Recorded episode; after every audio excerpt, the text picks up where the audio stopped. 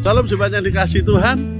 Mari sama-sama pagi hari ini kita akan sama-sama merenungkan kebenaran firman Tuhan. Tema firman Tuhan hari ini adalah Tuhan tahu apa yang Anda pikirkan dan kita akan baca dari Matius 9 ayat 2a sampai dengan ayat yang keempat demikian firman Tuhan. Percayalah hai anakku, dosamu sudah diampuni. Maka berkatalah beberapa ahli Taurat dalam hatinya, ia menghujat Allah. Tetapi Yesus mengetahui pikiran mereka lalu berkata, "Mengapa kamu memikirkan hal-hal yang jahat dalam hatimu?" Saudara dikasih Tuhan, ketika kita berpikir sesuatu yang mungkin dan pasti tidak ada orang tahu, tetapi ada satu pribadi yang tahu persis apa yang sedang saudara dan saya pikirkan, yaitu Tuhan. Oleh sebab itu, biarlah di dalam kehidupan kita, pikiran kita hendaknya berpikir yang baik-baik saja. Jangan seperti ahli Taurat, banyak diisi dengan hal-hal yang jahat, berpikir hal-hal yang jahat, berpikir hal yang negatif, sehingga ditegur oleh Tuhan Yesus. Biarlah dalam kehidupan kita, kita perbanyak apa yang masuk dalam pikiran kita, itu hal-hal yang benar. Tentu itu adalah dari kebenaran firman Tuhan. Ketika pikiran kita dipenuhi dengan kebenaran, maka apa yang keluar pun akan hal yang baik. Apa yang menjadi tindakan kita pun akan menjadi tindakan yang baik. Ketika kita diisi dengan firman Tuhan, maka kita tidak akan ada ruang untuk hal yang jahat ada di dalam pikiran kita. Tidak ada tempat untuk hal yang jahat di dalam hati kita karena dipenuhi dengan Roh Kudus dan firman-Nya. Sehingga ketika kita berpikir pun